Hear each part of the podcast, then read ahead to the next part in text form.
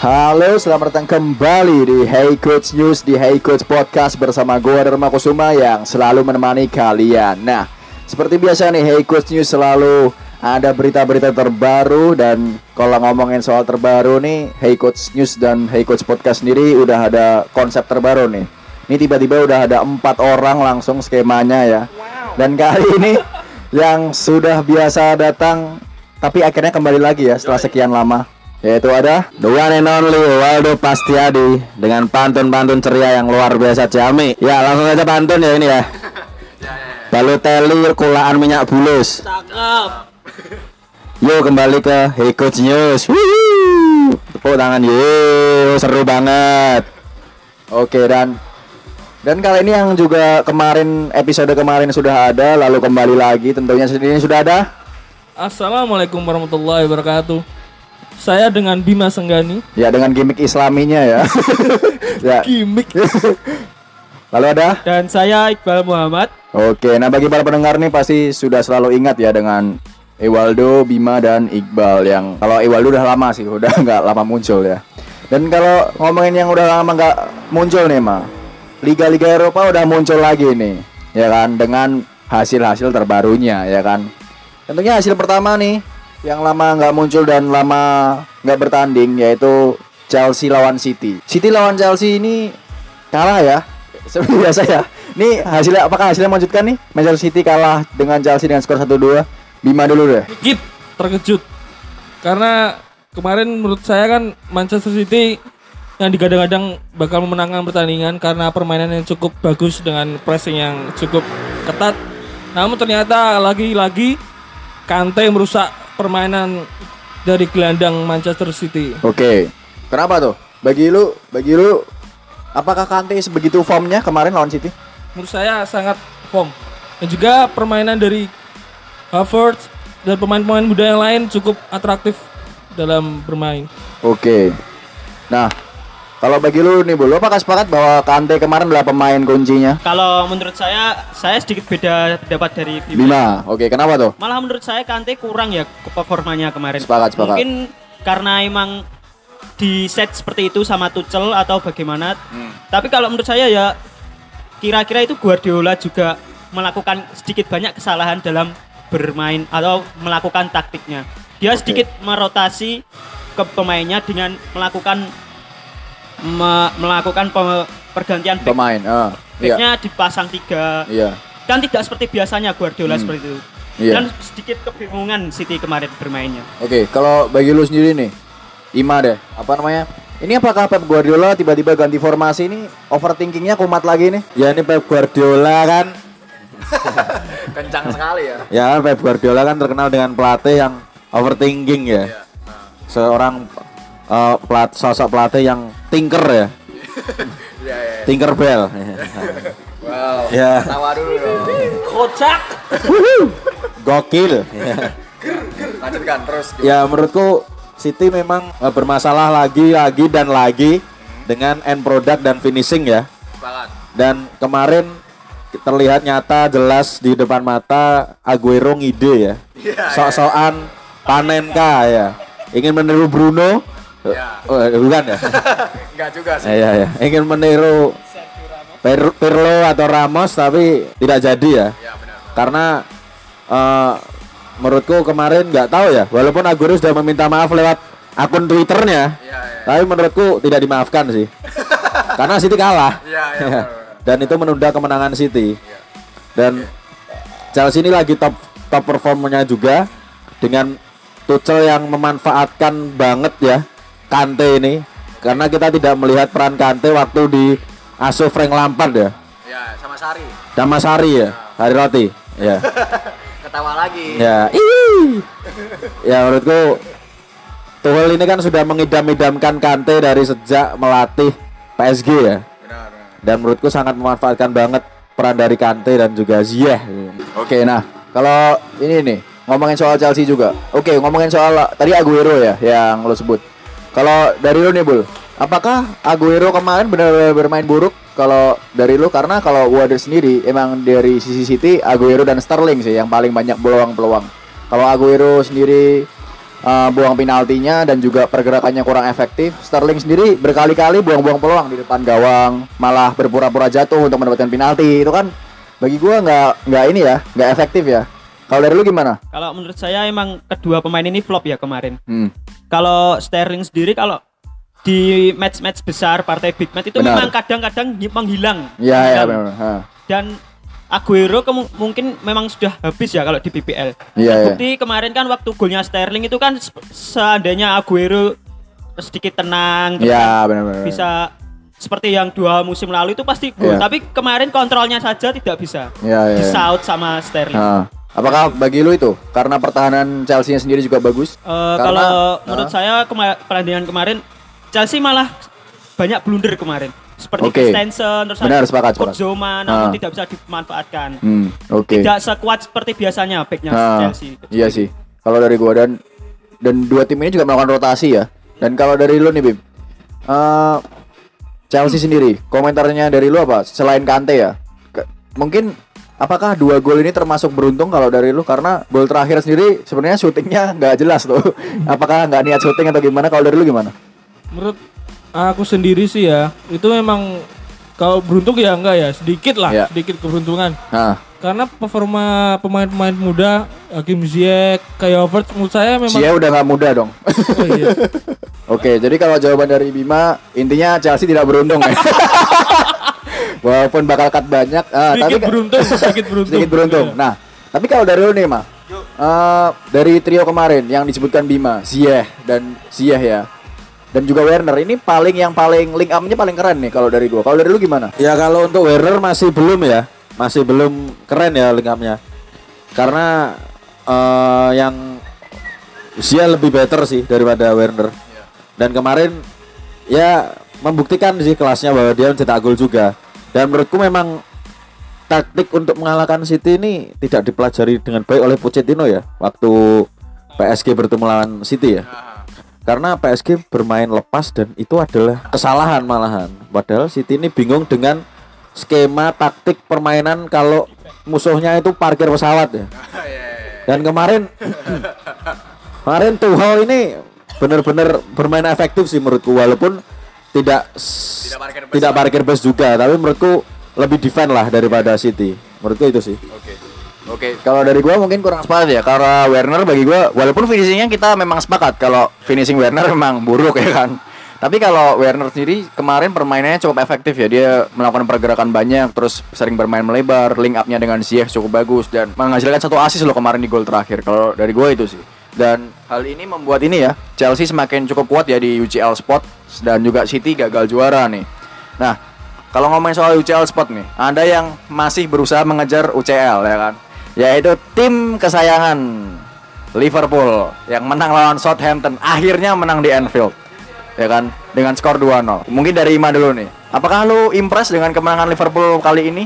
Apakah ini emang harusnya menang atau gimana kalau dari lu? Ya melihat performa Southampton semusim ini ya. Dengan Liverpool menang 2-0 secara susah payah sih menurutku kemarin. Karena kemarin Liverpool juga dibombardir dengan belasan shot lah mungkin. 12 12. 12 shot ya, itu lebih pastinya ya. 12 shot ya.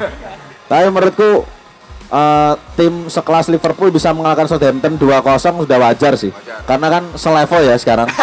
Liverpool dan Southampton memang selevel sama-sama merah, sama-sama level mediocre-nya tapi dengan 2-0 menurutku menurutku cukup sih. Cukup luar biasa lah. Patut diacungi jempol lah. Luar biasa. Untuk pertama kalinya kayaknya Ima mengapresiasi Liverpool ya. Kalau dari lu nih Bul, juga bagi lu apakah ini Liverpool udah mulai bangkit lagi bisa mengejar UCL spot? Kalau mengejar UCL spot sangat berat ya kalau Liverpool dengan permainannya kurang konsisten. Ini bukan Liverpoolnya yang bagus tapi Southamptonnya yang jelek ya. ini kalau kata-kata coach coach itu ugly win ini. oh, Gliwin. Kayak pernah dengar, tapi tulis sendiri kan. ya. ya kan emang apa ya dari sisi shot shotnya saja Southampton bisa menghasilkan 10 shot lebih ya itu. ya, 12. Cuma kan emang permasalahan di lini depannya Southampton aja. Iya, Dan iya, itu hmm. terbukti lini belakang Liverpool masih kurang solid ya. Iya. Setelah tinggal Van Dijk itu masih belum belum solid sampai sekarang. Menurut Karena backnya sendiri Nathaniel Phillips sama Rich Williams nih. saya. Ya, Nah, saya nggak jelas itu. Itu Padahal ada Heeh. eh, back yang baru itu nggak dipasang ya berarti. Oh Ben Davis. Iya. Sama Ozan Kabak. Ozan Kabak itu Ah, tidak. belum. Memang ini ya bagi para pendengar Hey Coach Podcast yang fans Liverpool ini agak kepanasan ya tentunya dengan putusan-putusan Jurgen Klopp nih. Kalau dari lu nih Bim, eh, mungkin pertanyaan gue ganti nih. Eh, untuk Liverpool sendiri bagi lu adanya Thiago Alcantara nih habis mencetak gol pertamanya. Kalau dari Iya. lu gimana? Apakah ini Thiago Alcantara udah nyetel dengan Liverpool? Sedikit sudah ada upgrade ya dari permainan Thiago sudah mulai bisa Oke. Oke sih. Jadi ya gue sepakat sih karena Thiago sendiri kemarin mencetak gol pertamanya ya setelah sekian lama sih kalau dari gue. Oke, nah kalau ngomongin soal Liverpool ini tentunya tidak lengkap kalau nggak ngomongin rivalnya yaitu MU yang comeback kalau menghadapi Aston Villa. Tidak seperti Liverpool ya di Villa Ya. Park. Kita tahu apa yang terjadi ya ketika Aston Villa. Bagi para pendengar Coach Podcast juga ingat. Nah, kalau dari lu nih mah, apakah oh dari lu sendiri dulu dulu ya Bim. Apakah MU layak menang kalau lawan Aston Villa kemarin?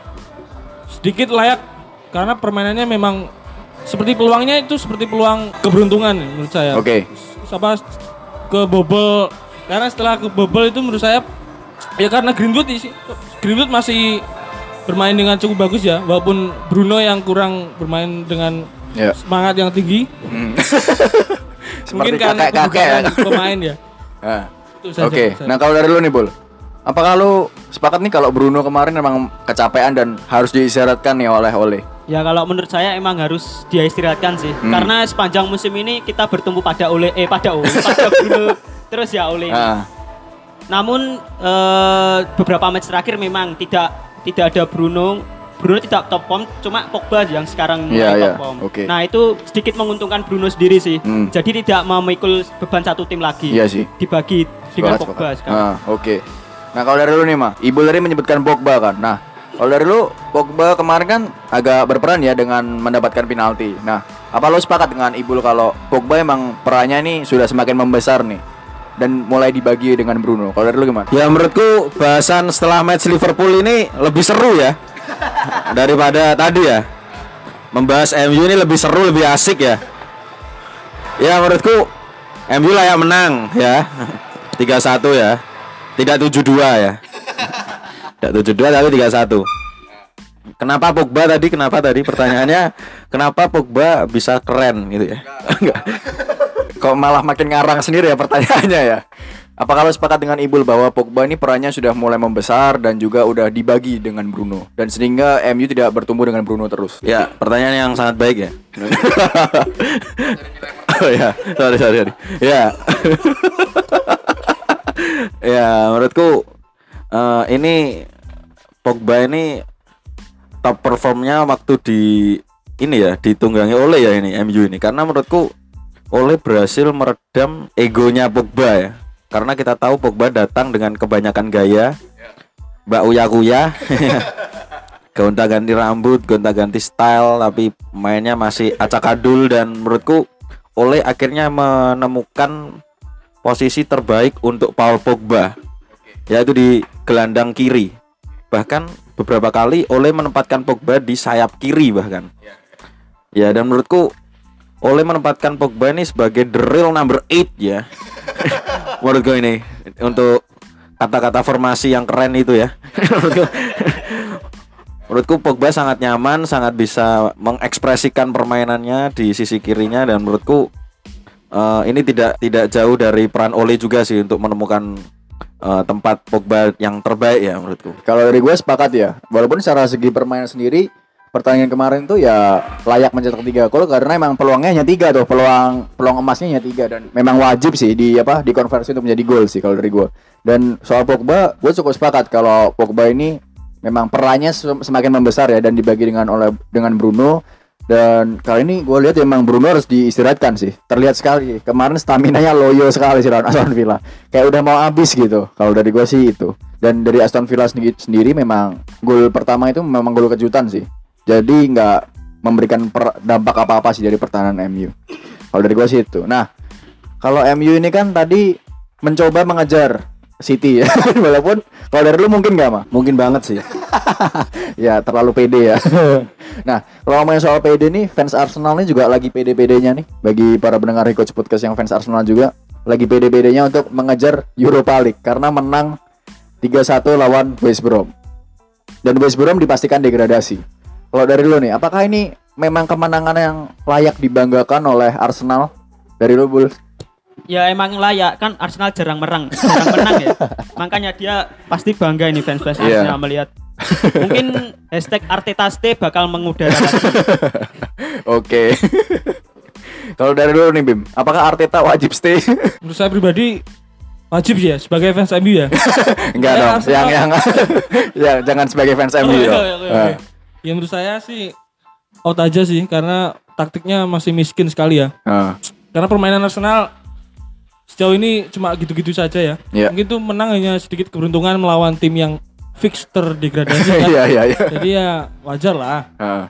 Oke, nah kalau dari lu nih Mak, apakah lu sepakat dengan Bima kalau misalkan permainan Arteta ini memang tanpa variasi dan ini hanya kemenangan semua aja karena lawan West Brom gitu. Yang memang taktik West Brom ya itu aja gitu loh. Kalau dari lu gimana? Ya menurutku eh, saat kita pindah ke Arsenal ini adalah pertandingan yang paling seru ya bahkan melebihi derby ya. Karena kita tahu kekuatan kedua tim ini sama imbang bahkan. Bahkan hampir imbang ya. Dengan Arsenal yang menduduki peringkat 9 terbaik ya. Dengan klub terbaik ini dengan peringkat 9 dan musim depan tidak ikut apa-apa ya. Mungkin 17-an mungkin ya. Mungkin 17-an biar seru ya biar rame ya. Dan menurutku Ar- apakah Arteta harus keluar? Tidak juga. Kenapa? Harus stay saja. Karena untuk akhirnya dia bisa menemukan Willian bisa mencetak gol kemarin. Dan menurutku taktik Arteta luar biasa sih. Aku apresiasi sih, gila. Aku tidak bisa menemukan pelatih yang lebih bagus daripada Arteta menurutku. Menurutku itu sih. Arteta tetap stay, jangan ke mana-mana ya. Karena aku percaya bahwa Arsenal akan juara 2070 lah. Wow, ini sarkas sekali ya ini. Sebuah sarkas yang cukup lucu ya ini dari Ima seperti biasa yang selalu merosting Arsenal ya kan. Ah, kalau nah ini kalau setelah ini kayaknya Ima nggak mau merosting nih ya kan. Karena kita akan pindah ke Serie A ya kan. Dan kayaknya bahas satu match saja yang cukup seru nih yaitu Juventus kalah menghadapi AC Milan dengan skor 3-0 di kandang Juventus dan kalau dari dulu nih Ima dulu nih Apakah ini memang AC Milan layak menang? Oke, mungkin gue ganti deh, jangan gitu pertanyaannya. Apakah ini menunjukkan bahwa Pioli ini bisa nih menunjukkan variasi permainan? Karena kan kemarin kalau para pendengar Hikots Podcast ingat, kita selalu mengkritik kalau Pioli ini nggak ada variasi dalam permainannya. Kalau dari lu gimana sekarang? Ya keren sih AC Milan Luar biasa kemarin permainannya all out sekali gila Bisa mengalahkan Juventus ya Dan sekarang Juventus ikut ke UEL selamat Masih belum pasti tapi sulit lah Ya menurutku kemarin Kalau soal variasi Kemarin AC Milan bermain monoton aja sih Kayak biasanya. Eh, Tapi menurutku memang Juve-nya yang lagi bobrok ya. Karena walaupun kemarin tuh sama-sama bobrok sih menurutku. Tapi tapi AC Milan lebih baik menurutku. Dengan kekuatan Brahim Diaz dan Ibrahimovic memberikan suntikan semangat 7000% ya kemarin. Tanpa dia mungkin tidak semangat ya AC Milan menurutku itu sih. Nah, kalau dari gua ini ya eh, cukup sepakat kalau Pioli sendiri mainnya monoton, tapi walaupun begitu dia berhasil meredam pertahanan eh berhasil meredam serangan Juventus nih dengan menghasilkan on targetnya hanya satu loh Juventus ini. Cuma satu aja dan bagi gua eh, memang sepakat dengan lo kata kalau Pirlo memang malah tidak menunjukkan variasi dalam menunjukkan taktiknya. Kalau Pioli justru kan dulu-dulu kayaknya nggak main counter attack nih. Nah, pas lawan Juventus nih berhasil bermain counter attack ya kan dan mengeksekusinya untuk menang. Kalau dari lo nih, Bul, gimana nih dari segi Juventus? Ini harus apa nih Juventus kira-kira? Kok kalah lagi dan kalah lagi dan lagi-lagi Pirlo buntu lagi nih. Kalau dari lu gimana? harus direvolusi semua sih dari pelatih Chan, dan juga pemain-pemainnya. Kan kita lihat cuma apa ya? Istilahnya Ronaldo aja itu yang bagus bermainnya. Iya. Eh, kalau Ronaldo lagi drop atau lagi down itu terlihat sekali. nggak ada yang membantu ya? nggak ada yang nggak ada yang mem- bisa membackup seluruh tim itu. Oke. Dan untuk Andrea Pirlo sendiri menurut saya eh kalau segi taktik itu kalau dibilang miskin sih sebetulnya tidak. Cuma Hmm. Andrea Pirlo ini tidak bisa memanfaatkan apa yang ada di Juventus. Eh, sebetulnya harusnya taktiknya Pirlo itu harus harus bisa menyeimbangi apa pemain-pemainnya. Kalau pemainnya kurang kurang bagus ya harusnya taktiknya jangan dipaksakan. Harus Oke, merubah lagi, menyesuaikan ya? menyesuaikan pemainnya. Ah. Kalau menurut saya itu aja. Oke, gue sepakat sih kalau itu. Nah, kalau dari lo nih Bim, si- kira-kira kalau tadi kan ada pemain-pemain yang harus dibuang dari Ibul. Kalau menurut lu siapa nih pemain Juventus yang dibuang? Berdasarkan pertandingan kemarin juga ya. Pemain Juventus. Hmm. Menurut saya ya itu ya pertahanan ya karena umurnya sudah Tua. sangat tua ya. Ya. Dan juga Ronaldo efek mungkin memang Gak Sudah. se nggak se-efek Iya, dulu. udah nggak dulu. Dan juga itu Pirlo kurang adaptasi taktik dengan kekalahan skor ketika dalam pertandingan belum bisa adaptasi dengan taktik Baik. lawan. Oke, iya sih. Kalau dari gue sepakat. ya. Jadi pertahanan ya yang perlu Iya. dirombak ya. Oke, nah kalau ini gue memang melihat Juventus memang terlalu ini sih. Pertama, Pirlo gue lebih nggak ada variasi karena kemarin dia tidak bisa meriak pertandingan dengan baik gitu. Sehingga ketika AC Milan mencetak gol ketika AC Milan mencetak gol gol pertama tuh. Nah, itu terlihat tuh udah kelimpungan, mulai kelimpungan terus habis itu tidak ada pergantian taktik juga. Dan serangan-serangannya sendiri terlalu monoton gitu. Tidak ada crossing-crossing membahayakan, udah nggak ada dan terbukti on, tar- on targetnya cuma satu. Nah kalau ini kan tadi pertandingan yang merebutkan UCL ya kan, dan terbukti ya AC Milan yang naik gitu, dan Juventus turun di peringkat 5 Oke mungkin sedikit aja nih gue tanya ke Ima. Kalau dari dulu apakah Juventus nih bisa nih ngejar UCL? Karena walaupun sini poinnya masih tipis ya. Ya bakal sulit sih menurutku dan nggak mungkin ya masuk UCL menurutku. Kasar ya. Enggak, enggak, enggak. Bakal sulit, bakal sulit. Kalau nggak mungkin eh, enggak sih, enggak sih. Kalau untuk sekelas Juventus masih bisa banget untuk UCL. Tapi menurutku eh, PR-nya Juventus nih dari season kemarin aku udah ngomong ya. Juventus ini bobrok di pertahanan, apalagi di kiper. Kenapa Woyeh Sehni ini ya? Woyeh Sehni ini masih dipasang menjadi kiper utama. Saya nggak tahu ya, kiper yang mediocre ya menurutku ini.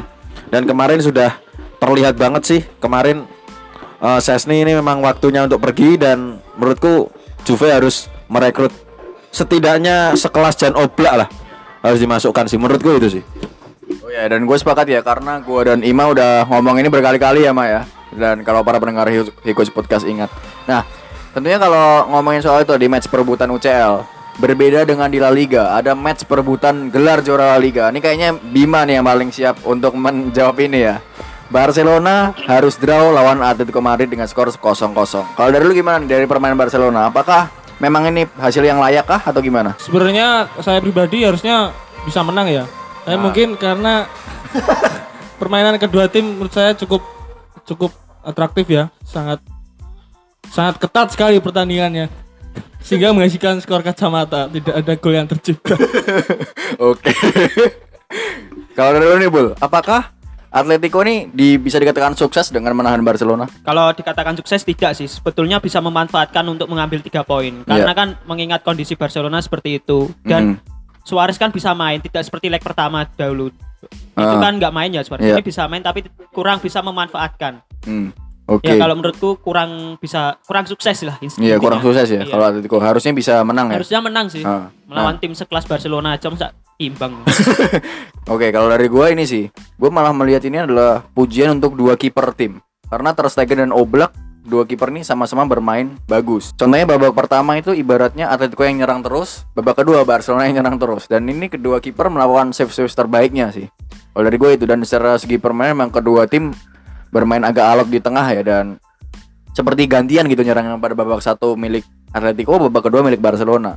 Nah, kalau dari lu nih, mah mungkin mengomentari dua tim ini. Ini harus gimana nih untuk bisa sama-sama mengejar La Liga? Dan yang paling mungkin siapa? Ya menurutku Atletico lebih mungkin ya.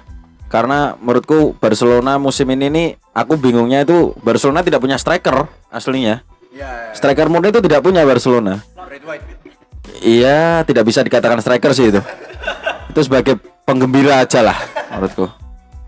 Dan menurutku ini menjadi salah satu bukti bahwa Barcelona memang benar-benar butuh striker murni.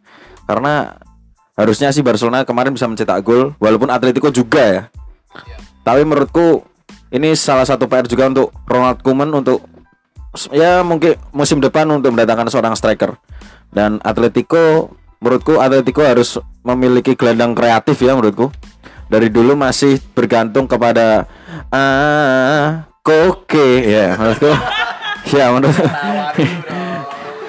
Ya walaupun Koke ini permainannya memang keren, memang hebat ya, tapi menurutku tidak bisa bergantung selamanya kepada Koke. Karena sekali lagi Atletico masih belum mempunyai gelandang kreatif ya menurutku. Itu sih menurutku untuk kedua PR tim ini.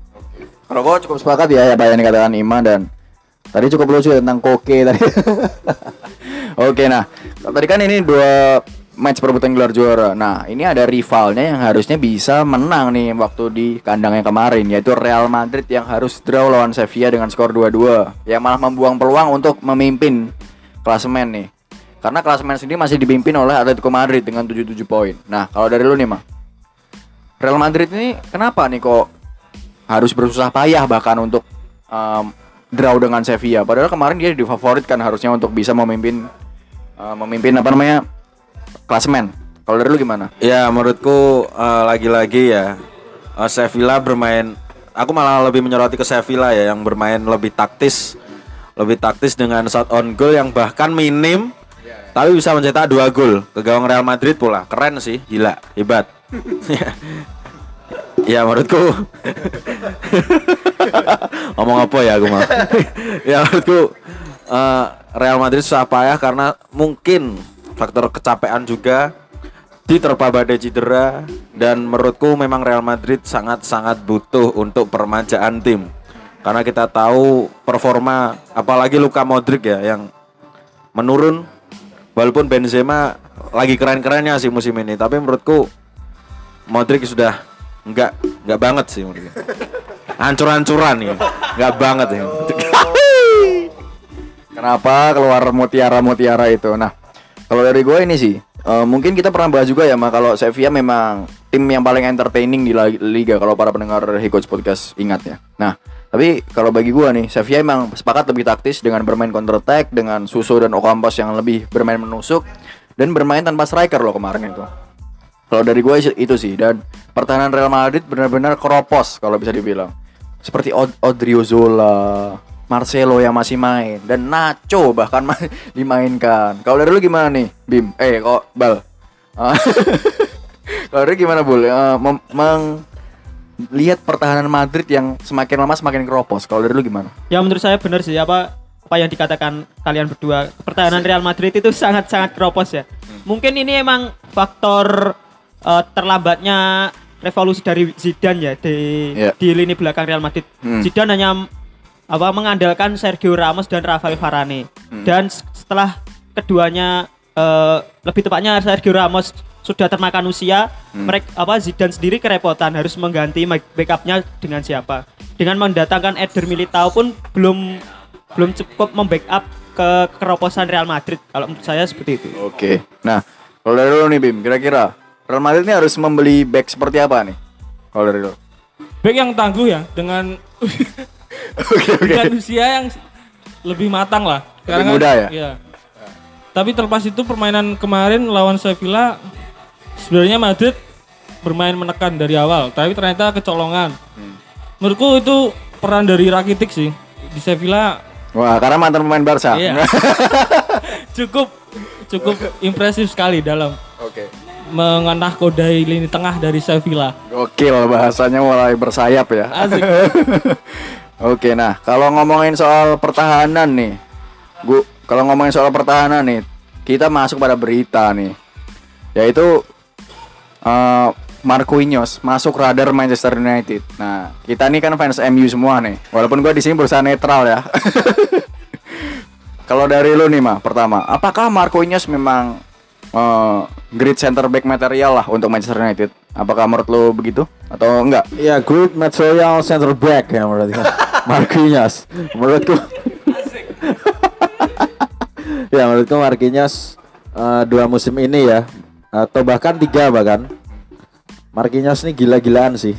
Performanya ini keren menurutku. Dia ditempatkan di back tengah bersama duet Thiago Silva juga keren. Bahkan saking kerennya sekarang jadi DMF. bahkan. kuat sekali sih menurutku hebat. ya menurutku cocok gak sih di MU? Cocok banget. Oke. Karena kita tahu kita sudah kehilangan sosok eh, gelandang bertahan jangkar seperti Nemanja Matic ya. Ya. Dan menurutku kedatangan Marquinhos ini menjadi angin segar. ya karena kita tahu hmm, cadangan MU, cadangan back MU juga buruk ya. Nah, Seperti Tuan CB. Tuan ZB, Bill Jones, Fosumensa sudah pergi aja itu, sudah pergi, sudah pergi dia. Terus ada Bailey yang inkonsisten lah orang ini. Tapi menurutku dengan kedatangan Marquinhos ke Manchester United ini menjadi angin segar untuk lini pertahanan MU yang kita tahu bahwa banyak sekali performa-performa Maguire yang kadang ngelawak.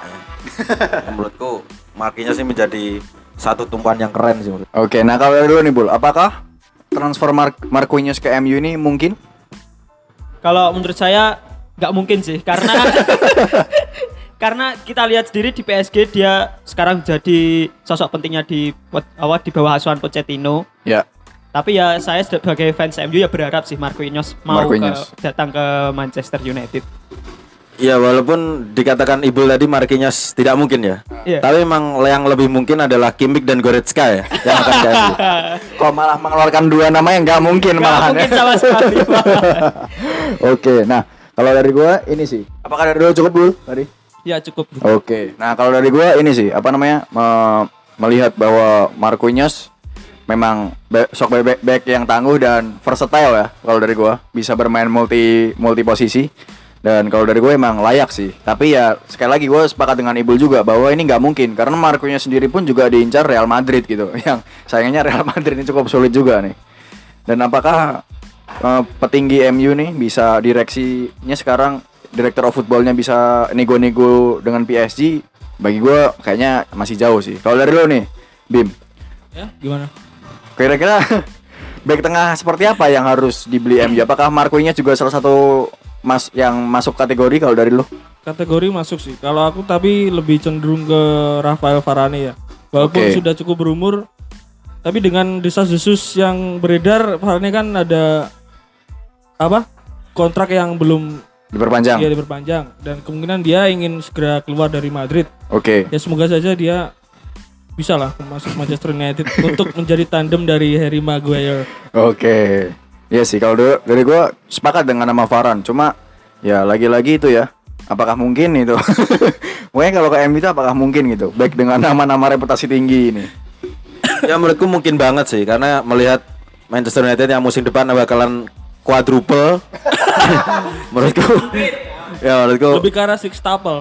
ya lebih ke arah sextuple bahkan tapi menurutku lebih mungkin ke quad- quadruple ya daripada sextuple ya menurutku Marquinhos ke MU amin Amin ya Allah. Wow, hanya amin aja ya. Nah, oke. Nah, kalau dari mungkin dari lu sendiri, mah ada berita apa nih? Oh, kalau dari Ibu ada berita apa nih kira-kira? Ternyata Ima tiba-tiba nggak siap ya. apa nih beritanya, Bu? Ini ya berita dari Serie A eh, menyambung perka- pember- perbincangan kita lagi Iya. AC Milan dan Juventus. Nah, Back AC Milan yang bernama Fikayo Tomori ingin dipermanenkan oleh AC Milan. oke. Ya, kita tahu sendiri lah AC Milan memang keuangannya kurang. Makanya dia ingin mengebut sekali dengan Tomori. Nah, Walaupun eh, kemungkinan besar emang deal sih dengan Chelsea. Karena Iya. kan di Chelsea emang Tomori sudah tidak diperhitungkan lagi oleh Iya, Thomas iya. Tuchel. hmm. Dan di AC Milan kemungkinan Tomori sendiri malah menjadi pilihan utama ya. Iya, Cocok sekali kelihatannya Iya. di AC Milan. Oke, nah kalau dari lu nih, mah yang apa namanya? Fans AC Milan walaupun fans AC Milan bayangan ya. kalau dari lu apakah Tomori memang eh, pemain yang layak dipermanenkan oleh AC Milan? ya menghitung segi keuangan AC Milan ya. menurutku dan melihat kapasitas Tomori yang semakin hari semakin menunjukkan performanya yang keren ya walaupun beberapa kali dia inkonsisten juga tapi menurutku dia salah satu back yang bisa lah menjadi tandem duet bersama Romagnoli ya. Menurutku Tomori layak sih untuk dipermanenkan. Karena walaupun kita lihat Tomori ini harganya juga murah gajinya juga nggak tinggi ya.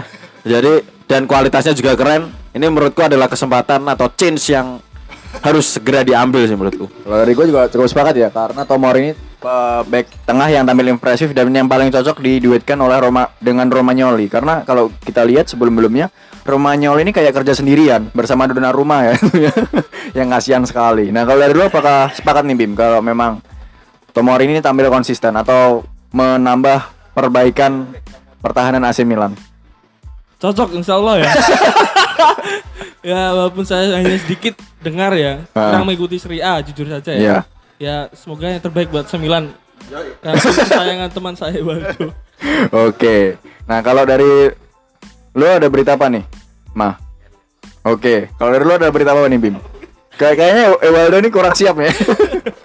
Kalau dari saya ini sih teka-teki mengenai masa depan Edison Cavani yang sudah menemui titik terang. Oke, apa tuh? Karena itu Cavani sudah mendapat kontrak perpanjangan satu musim dengan opsi satu musim ya. itu sangat langkah yang cukup bagus ya. Karena efek dari Cavani sangat instan di Manchester United ya. Sepakat, sepakat. Hmm, Menurut saya bisa untuk satu satu dua musim ke depan untuk menjuarai Liga Inggris. Oke. Wah, serius itu? Serius, Bisa. serius, bisa. Oke, nah, kalau dari lu nih, Bul. Apakah memang Cavani layak nih diperpanjang kontrak kan udah tua nih? Layak emang MU membutuhkan sosok striker seperti Cavani ya musim-musim ke depan. Mengingat kok inkonsistennya Anthony Martial ini Ice Cold Martial. High school Martial ini. Mungkin dengan adanya Cavani sedikit banyak bisa membantu motivasi Martial untuk bagaimana cara positioning yang bagus, Hmm. kapan menendang dan menyundul yang bagus. Oke. Sebetulnya bukan Martial aja sih yang butuh seperti Cavani, Greenwood dan Rashford. Iya, sepakat, sepakat sih. Harus dilatih instingnya seperti Cavani. Iya. Mengingatkan beberapa match terakhir emang Cavani kan sangat Luar biasa ya. Iya, nyakot lah. Tajam. wow. Tajam sekali di Manchester United. Oke. Nah kalau dari gue cukup sepakat ya kalau Cavani ini diperpanjang. Nah, gue lebih sepakatnya kalau Cavani ini satu tahun lagi ya dan Cavani bukan opsi yang jangka panjang ya bagi gue dan bagi gue eh, kemampuan Cavani pergerakannya insting tajam ya bagi gue sangat luar biasa sih kalau dari gue. Nah kalau dari lu nih mah, lu apakah menilai Cavani ini memang layak untuk diperpanjang dan striker yang cukup bisa dibilang terbaik lah di MU untuk saat ini? Ya melihat performa Cavani di 7 match ini dengan 8 gol dari 7 match Berturut-turut ini mencetak gol terus ini orang ini keren ya. Dengan gaya nyentrik golnya panas moro ya. Selebrasinya menurutku Menurutku Menurutku Ya menurutku Edison Cavani sangat layak Layak layak Untuk mendapatkan kontrak satu musim lagi ya. Jangan banyak-banyak karena kita tahu Eh, striker terbaik MU sekarang adalah Edinson Cavani. Dua one and only ya Cavani. Karena kita lihat Martial ini buruk ya. Ice pergi aja lah itu. ya menurutku depa aja lah. Kalau MU s- eh, katanya kan ini rumornya MU mau mendatangkan Harry Kane ya. Harry Kane atau Erling Haaland lah kata nggak tahu ya tapi menurutku untuk saat ini karena MU belum memiliki striker yang pas dan keren ya menurutku Cavani pertahankan aja sih. Oke, iya sih sepakat sih. Wa- Walaupun bagi gua Martial ini sebenarnya ini ya eh, skillnya, talentnya cukup bagus ya kalau dari gua. Tapi sayangnya ya malas ini kayaknya. Dia lebih striker yang tidak banyak bergerak kalau dari gua. Nah kalau dari lu kira-kira nih ada berita apa nih mah? Ya ya ini meng- menemani penghujung pertemuan kita ya. Ada satu berita yang sangat penting ya. Dengan pertanyaan ya, ini sepertinya opini ya. Mengapa pesepak bola dilarang pakai anting-anting? Cincin dan perhiasan saat bertanding. Ini kan kadang kita bertanya-tanya ya. Lebih kayak ke artikel ya. Padahal aksesoris tubuh tersebut tak jarang dipakai oleh pria loh. Tapi kenapa ya? Tolong, tolong. Tapi kenapa? Ini justru dilarang di sepak bola ya. Kami akan menjelaskan alasannya. Asik. Ada banyak pertanyaan di sepak bola ya. Langsung aja ke poin. Oh ya, sorry, sorry, sorry. Di era modern seperti sekarang. Oh ya, lanjut ya, lanjut. Ternyata loh, ternyata ini larangan penggunaan perhiasan di sepak bola ini sudah diatur di Laws of the Game FIFA yang disahkan setiap tahun oleh Dewan Asosiasi Sepak Bola Internasional IFAB. Ya. Dan itu selalu ditinjau. Sampai saat ini rules of the game masih sesuai dan ya mereka mau dimodifikasi agar tetap terkini. Kenapa sih? Kenapa? Masih dilarang karena satu yaitu keamanan. Karena takutnya nanti anteng-antengnya nyarok ya. Nyarok. Nyarok pemain lawan atau kalungnya bahkan nyampe ke nyarok itu menusuk ya, menusuk ke kuping lawan ke atau waktu header atau atau jadi ini sangat-sangat dilarang sih menurutku. Tapi apakah peraturan ini sangat berarti ya ini seperti biasa ya kalau para pendengar Hecoach podcast ingat memang Ewaldo selalu random ya ini beritanya ya. Dan lebih ke artikel ya. Ya kalau memang peraturan FIFA kalau memang peraturan FIFA Dan ini yang lebih mengagetkan lagi ya. Di gambar ini yang digambarkan yaitu Balotelli ya. Balotelli memakai anting dan kalung. Padahal udah tahu ini dilarang tapi masih dipakai. Menurutku ada apa dengan Balotelli?